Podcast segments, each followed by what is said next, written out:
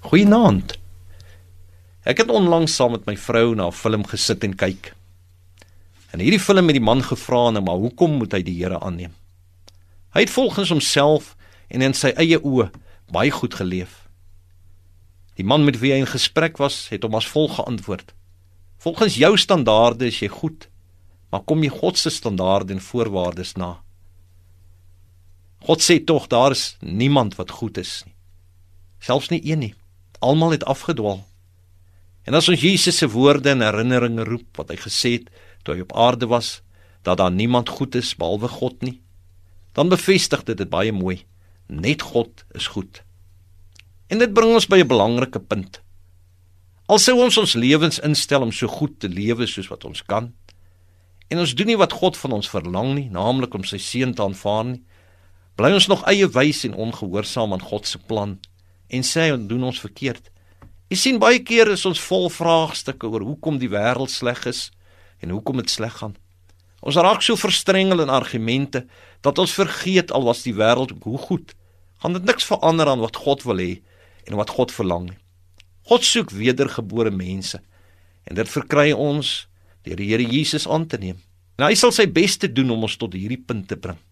Daarom dat die Bybel in Romeine sê God wil ons deur sy goedertierenheid tot bekering lei.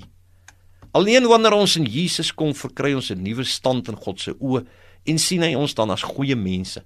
En glo my as jy in Jesus gekom het, sal dit nie vir jou so issue wees om net teen slegte dinge vas te kyk nie, maar sal jy weet God is goed.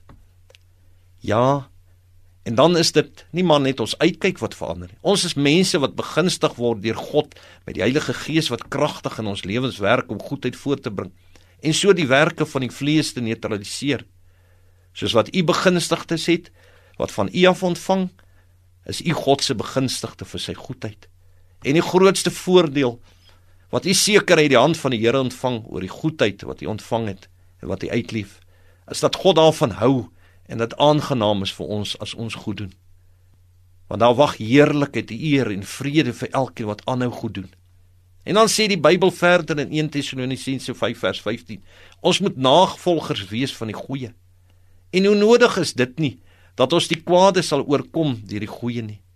Hoor wat sê die Bybel in Romeine 12 vers 21. Moenie toelaat dat die slegte julle onderkry nie. Maar deur goed te doen, moet julle die slegte hok slaan.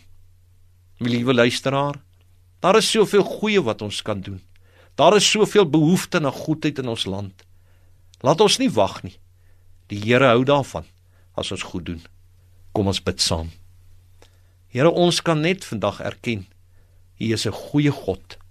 In U is daar niks wat sleg is nie. Daar's geen duisternis nie. Help ons, Here, om te doen soos wat U is en goedheid uit te leef. Amen.